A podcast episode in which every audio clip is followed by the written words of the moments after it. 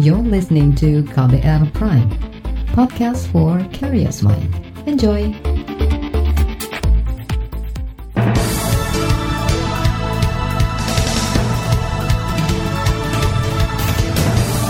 Selamat pagi saudara, senang sekali rasanya kami pagi hari ini menjumpai Anda kembali melalui program Buletin Pagi edisi hari ini Jumat 23 Oktober 2020. Pagi hari ini tim redaksi KBR telah menyiapkan sejumlah informasi untuk Anda. Di antaranya, pemerintah didesak pastikan kandidat vaksin aman untuk masyarakat. Presiden minta para menteri menjaga inflasi tidak terlalu rendah dan aksi lanjutan tolak Omnibus Law di Banyuwangi berujung ricuh.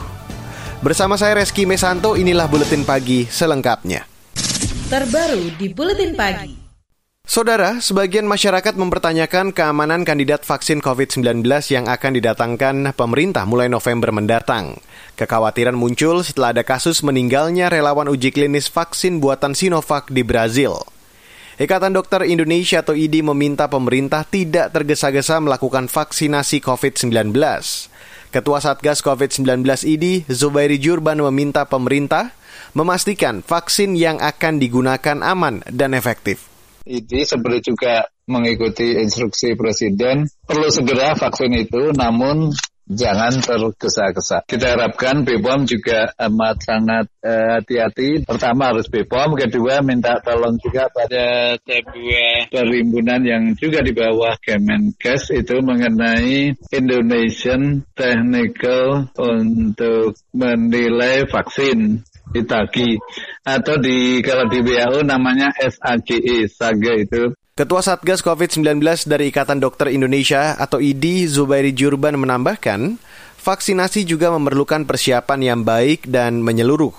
Mulai dari pedoman vaksinasi, pelatihan bagi petugas vaksinasi, sosialisasi hingga antisipasi efek samping. Zubairi menambahkan hingga saat ini seluruh kandidat vaksin COVID-19 seperti Sinovac, Sinopharm, dan CanSino masih dikembangkan dan diuji coba. Sementara itu, pemerintah justru terus menggenjot persiapan program vaksinasi dalam keterangannya pekan lalu. Ketua Komite Penanganan COVID-19 dan Pemulihan Ekonomi Nasional Erick Thohir mengatakan, rencananya vaksinasi akan dilakukan bertahap. Prioritas penerima vaksin adalah tim medis, anggota TNI Polri, dan pegawai pelayanan masyarakat. Sedangkan pejabat akan divaksin belakangan. Ya, sudah seyogyanya kita prioritaskan proses yang benar sesuai dengan arahan Bapak Presiden hmm. bahwa yang prioritas itu nanti tenaga kesehatan, dokter, perawat, lab kan hmm. kasihan mereka semua yang sekarang udah hampir 8 bulan kerja yeah. terdepan. Ya kita masih begini. Mereka kan luar biasa 8 bulan ya 24 jam ya dan mohon maaf sudah ada beberapa yang mendahului dan itu harus harus yang menjadi terdepan. Karena itu sejak awal eh, ketika vaksin ini datang ya jangan kita duluan, ya mereka duluan. Itu tadi Ketua Komite Penanganan COVID-19 dan Pemulihan Ekonomi Nasional yang juga Menteri BUMN Erick Thohir. Sementara menepis kekhawatiran publik akan vaksin COVID-19, Gubernur Jawa Barat Ridwan Kamil menjelaskan alasannya menjadi relawan uji klinis vaksin COVID-19 adalah untuk meredam kekhawatiran masyarakat mengenai keamanan vaksin. Saya akhirnya mendaftarkan semata-mata untuk menjadikan bukti bahwa kalau orang nomor satu di provinsinya ikut menjadi relawan, maka artinya semua kekhawatiran itu akan saya jadikan jawaban pada saat berhasil saya akan menjadi saksi, kalau gagal juga saya menjadi saksi. Namun sebelum vaksin dinyatakan lulus uji, Gubernur Ridwan Kamil meminta masyarakat mematuhi protokol kesehatan sebagai cara ampuh mencegah penularan virus corona. Dan saat ini kandidat vaksin COVID-19 yang dikembangkan Sinovac tengah proses uji klinis tahap 3 di Bandung, Jawa Barat. Ridwan menyebut kandidat vaksin itu masih diuji keamanannya oleh Badan POM dan diteliti kehalalannya oleh MUI. Sebelumnya diberitakan uji klinis tahap 3 Sinovac sudah lulus uji di Brazil dan Cina. Saudara Satgas Penanganan COVID-19 memastikan vaksin yang akan diberikan ke masyarakat Indonesia nanti sudah terjamin aman digunakan. Juru bicara Satgas COVID-19 Wiku Adhisa Smita mengatakan, vaksin yang akan digunakan nanti harus sudah melalui uji klinis tahap hingga tahap 3. Ia meminta agar masyarakat tidak khawatir dan termakan berita simpang siur terkait vaksinasi. Jadi untuk memastikan keamanan dan efektivitas vaksin COVID-19, maka para pengembang vaksin harus melalui berbagai tahapan pengembangan termasuk uji klinis fase 1 hingga fase 3. Tahapan-tahapan ini merupakan upaya yang berbasis medis dan ilmiah untuk memastikan keamanan, efektivitas, dan juga dosis aman yang dapat digunakan kepada masyarakat. Vaksin yang nantinya akan diberikan pada masyarakat adalah vaksin yang lulus pada semua tahapan uji klinis sehingga aman dan efektif untuk digunakan. Juru bicara Satgas COVID-19 Wiku Adhisa Smita juga mendukung aturan warga wajib mengikuti vaksinasi COVID-19 yang diberlakukan pemerintah DKI Jakarta. Pemerintah DKI akan menjatuhkan sanksi denda 5 juta rupiah bagi warga yang menolak vaksinasi COVID-19. Sementara itu, epidemiolog Panji Hadi Sumarto mendorong pemerintah untuk membuka akses keterbukaan informasi terkait keamanan dan efektivitas bakal vaksin COVID-19. Panji mengatakan masyarakat harus diberikan informasi lengkap mengenai manfaat dan risiko dari vaksin tersebut. Ia juga meminta pemerintah meyakinkan publik dengan memastikan keputusan vaksin yang diambil didasarkan pada data dan informasi yang lengkap serta sesuai prosedur.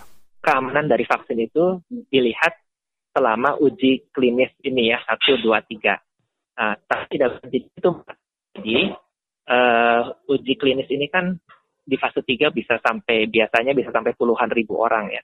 Uh, Tetapi uh, kalau ada efek samping atau kejadian ikutan yang yang kejadiannya itu sangat jarang, uh, mungkin belum terdeteksi di uji klinis 1, 2, 3 ini. Epidemiolog Panji Hadi Sumarto mengatakan, sampai saat ini belum ada perusahaan vaksin di dunia yang mengeluarkan hasil uji klinis fase ketiga secara resmi, termasuk bakal vaksin COVID-19 yang akan digunakan di Indonesia. Saudara, LSM Hak Asasi Manusia Kontras mendesak pemerintah dan DPR mengevaluasi keberadaan satuan militer yang ditempatkan di Papua. Informasi selengkapnya akan kami hadirkan usai jeda. Tetaplah bersama kami di Buletin Pagi KBR. You're listening to KBR Pride, podcast for curious mind. Enjoy!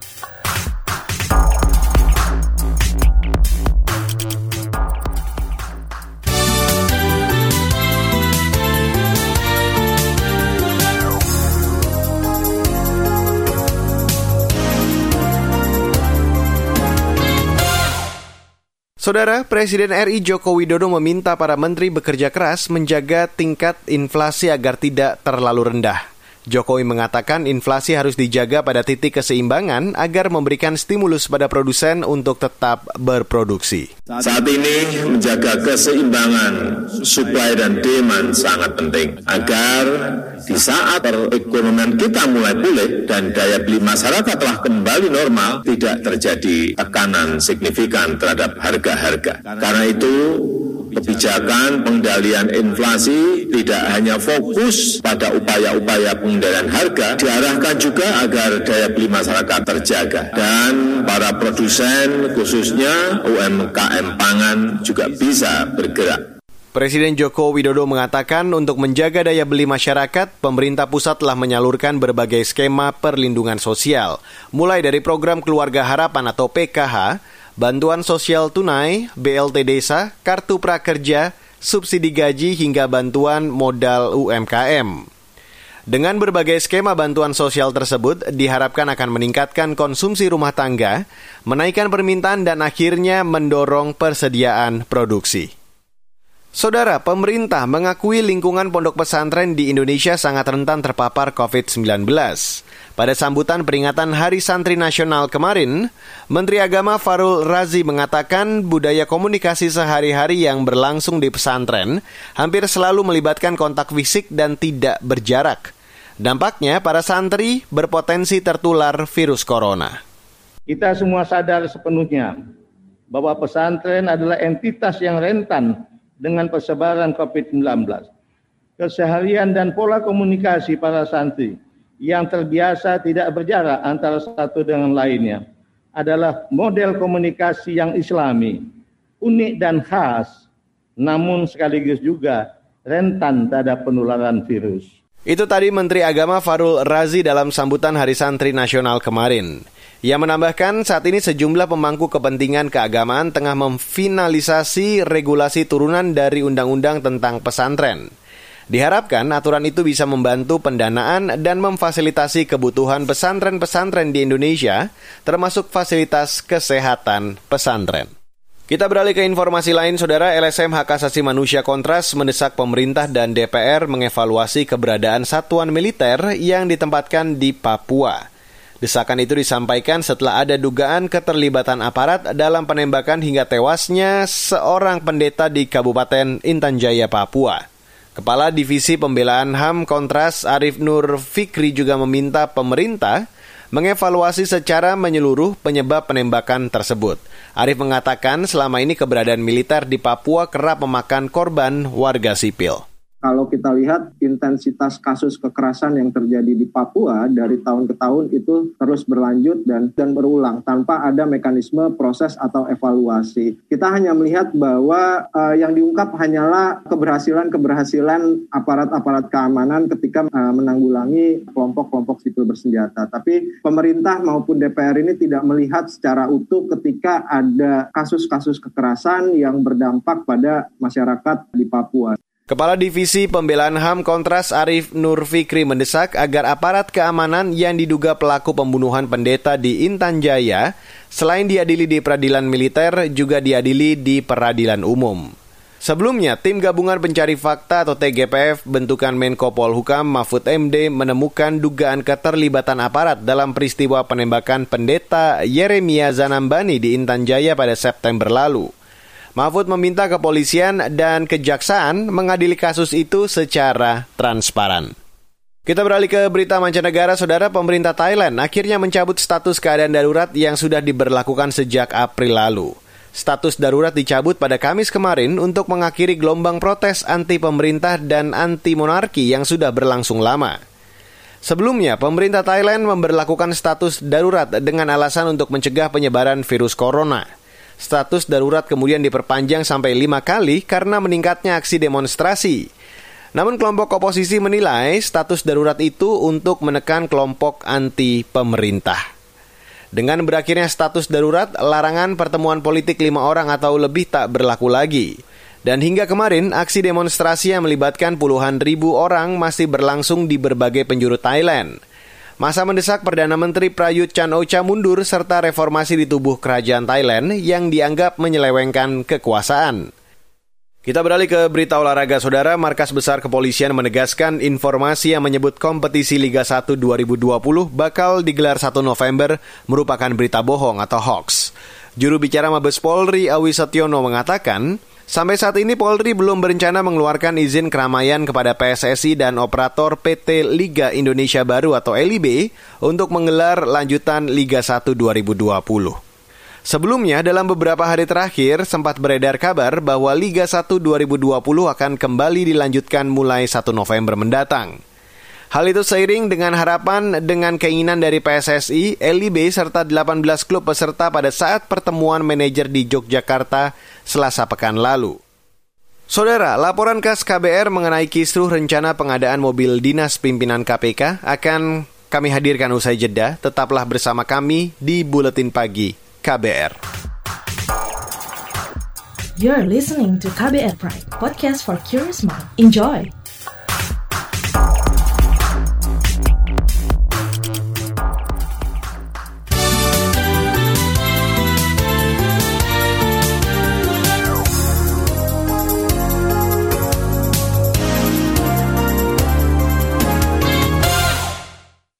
Terima kasih saudara Anda masih bergabung pagi hari ini di Buletin Pagi 23 Oktober 2020.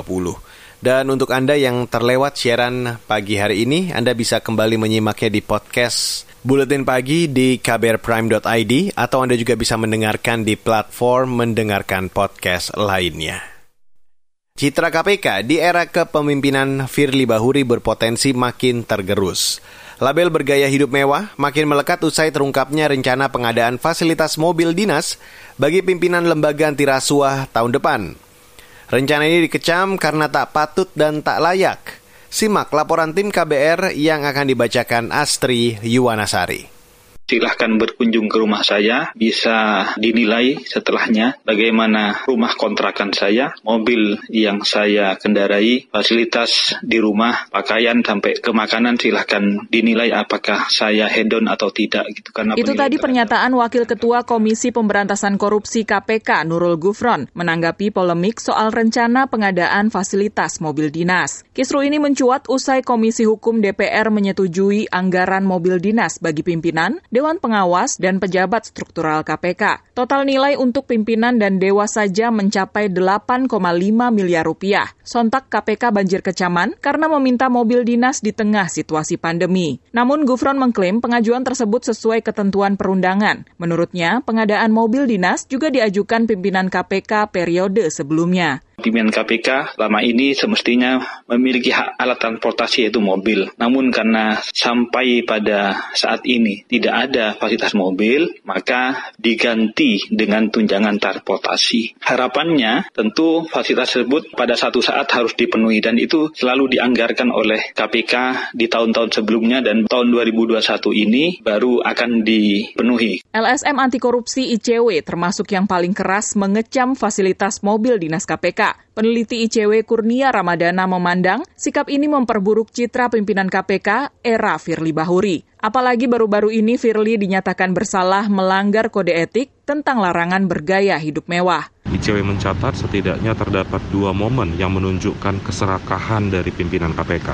Mulai dari saat tetap melanjutkan pembahasan kenaikan gaji dari pimpinan KPK. Yang kedua ketika mengusulkan anggaran untuk membeli mobil dinas mewah seharga siaran Pengajuan anggaran mobil dinas KPK juga dinilai jauh dari layak karena tak sebanding dengan prestasi yang dicapai. Sebagai pimpinan KPK, semestinya mereka memahami dan peka bahwa Indonesia sedang dilanda wabah COVID-19 yang telah memporak-porandakan perekonomian masyarakat. Sehingga tidak etis jika malah meminta anggaran untuk pembelian mobil dinas. Di luar dari itu, sampai saat ini tidak ada prestasi mencolok yang diperlihatkan oleh KPK. Harusnya penambahan fasilitas dapat diikuti dengan performa kinerja yang maksimal. Adapun Dewan Pengawas KPK satu suara untuk menolak fasilitas mobil dinas. Anggota Dewas Albertina Ho mengaku tak tahu menau soal anggaran itu. Dari Dewas tidak pernah ikut-ikut membahas atau tidak pernah ikut berdiskusi mengenai masalah pengusulan mobil dinas itu.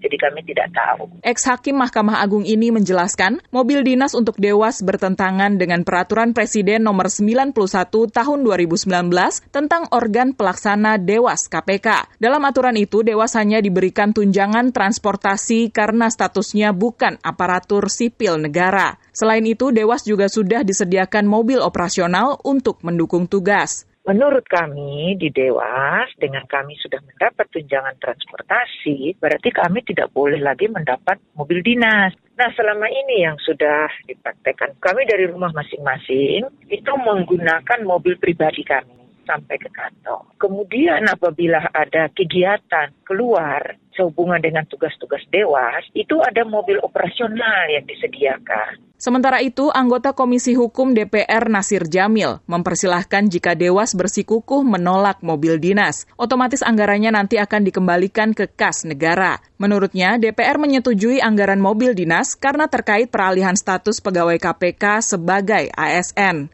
karena mungkin sudah menjadi aparatur sipil negara, itu kan mirip seperti lembaga-lembaga negara lainnya, baik lembaga negara penunjang maupun yang inti gitu loh. Kan beberapa organ negara penunjang seperti Komnas HAM, KPU. KPU kan ada mobil juga mereka, dapat mobil dinas. Politikus PKS ini menyebut anggaran mobil dinas 2021 diusulkan KPK era Agus Raharjo. Namun beberapa ex pimpinan KPK periode lalu seperti Laode M. Syarif dan Saud Situmorang justru ramai mengkritik rencana ini. Kalau singkat saya kan pembahasan itu di periode lama. Jadi kepimpinan Pak Laudi dan kawan-kawan. Sebelum pergantian pimpinan kan, karena kan ketok palu APBN itu kan bulan Oktober. Sementara kalau tidak salah saya, uh, itu belum dilakukan oleh pimpinan yang sekarang, masih pimpinan lama. Di tengah derasnya sorotan publik, KPK memutuskan meninjau ulang rencana pengadaan mobil dinas. Namun, keputusan tersebut tidak keluar dari mulut pimpinan, tetapi Sekjen KPK Cahya Harefa. Tidak terlontar pula tentang opsi pembatalan. Kami memutuskan untuk meninjau kembali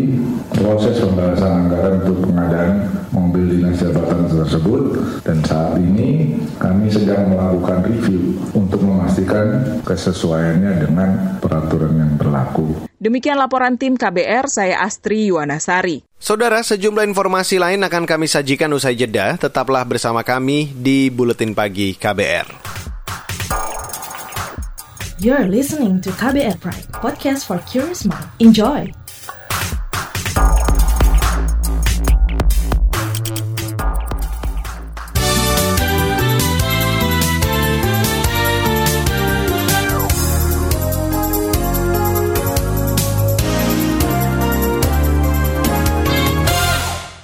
Saudara, Anda masih mendengarkan Buletin Pagi edisi hari ini 23 Oktober 2020 dan inilah bagian akhir dari Buletin Pagi. Kita ke Jawa Timur, aksi unjuk rasa lanjutan menolak Undang-Undang Omnibus Law Cipta Kerja di Kabupaten Banyuwangi, Jawa Timur kemarin berujung ricuh. Aksi unjuk rasa di depan gedung DPRD Banyuwangi itu diwarnai lemparan batu dan botol air mineral kepada petugas keamanan. Polisi membalas dengan tembakan gas air mata. Kepala Kepolisian Resor Kota Banyuwangi, Arman Asmara Syarifuddin mengatakan, anggotanya menangkap sejumlah pengunjuk rasa yang diduga menjadi provokator.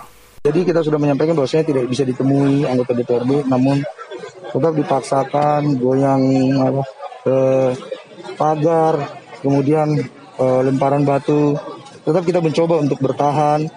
Eh, namun pada saat eh, pintu sudah terbuka dan batu sudah meluncur, di mana beberapa uh, anggota yang terkena lemparan batu, maka kita harus mengeluarkan SOP namanya lintas ganti. Kapolres Banyuwangi Arman Asmara Syarifuddin menambahkan sejumlah aparat kepolisian mengalami luka akibat terkena lemparan batu dari masa aksi. Dan saat ini kepolisian tengah menyelidiki dalang dari aksi unjuk rasa yang berujung ricu itu. Kita ke Jawa Tengah, saudara, sebanyak 400 objek pariwisata di Jawa Tengah dibuka secara bertahap dan terbatas untuk wisatawan saat pandemi COVID-19. Kepala Dinas Pariwisata Jateng Sinung Nugroho mengatakan, ratusan tempat wisata yang dibuka itu tetap akan diawasi dan dievaluasi penerapan protokol kesehatannya. Kepala Dinas Pariwisata Jateng Sinung Nugroho menambahkan, Pemerintah daerah bakal menjatuhkan sanksi berupa teguran hingga penutupan tempat wisata jika ada pengelola pariwisata yang melanggar dan tidak mematuhi penerapan protokol kesehatan. Dinas Pariwisata Jawa Tengah juga menghimbau pengelola tempat wisata dan pengunjung untuk tetap mentaati protokol kesehatan terutama saat libur panjang pekan depan. Kita ke Jawa Barat, saudara pemerintah Kabupaten Kuningan menargetkan menurunkan status dari zona oranye saat ini ke zona kuning sepekan ke depan. Juru bicara Satuan Tugas Penanganan COVID-19 Kabupaten Kuningan Agus Mauludin, pihaknya terus meminta masyarakat tidak abai melakukan penerapan protokol kesehatan sehingga kembali lagi ke zona merah. Jadi sesuai dengan uh, hasil rapat tim Satgas minggu lalu, uh, kami sepakat bahwa kita harus menekan dalam satu minggu ini untuk mengembalikan uh, atau menurunkan donasi di Kabupaten Kuningan ya. Dan alhamdulillah per hari ini berhasil menurunkan level kewaspadaannya menjadi kembali ke zona oranye. Itu tadi juru bicara Satuan Tugas Penanganan COVID-19 Kabupaten Kuningan Agus Mauludin. Sebelumnya, Kabupaten Kuningan masih masuk kategori zona merah bersama dua daerah lainnya tersisa di Jawa Barat. Namun sepekan belakangan, Kabupaten Kuningan bisa lepas dari zona merah dan masuk menjadi zona oranye. Kabupaten Kuningan tengah memfokuskan penanganan COVID-19 di klaster pesantren, di mana sebelumnya ratusan santri dinyatakan positif COVID-19, dan saat ini santri-santri itu telah sembuh dari COVID-19. Dan saudara informasi tadi akhirnya menutup jumpa kita pagi hari ini di Buletin Pagi KBR edisi Jumat 23 Oktober 2020. Pantau juga informasi terbaru melalui kabar baru setiap jamnya. Situs kbr.id, Twitter kami di account at berita KBR, Serta jangan lupa untuk mendengarkan podcast kami di kbrprime.id atau platform mendengarkan podcast lainnya. Akhirnya saya, Reski Mesanto, saya pamit undur diri mewakili tim redaksi yang bertugas. Salam.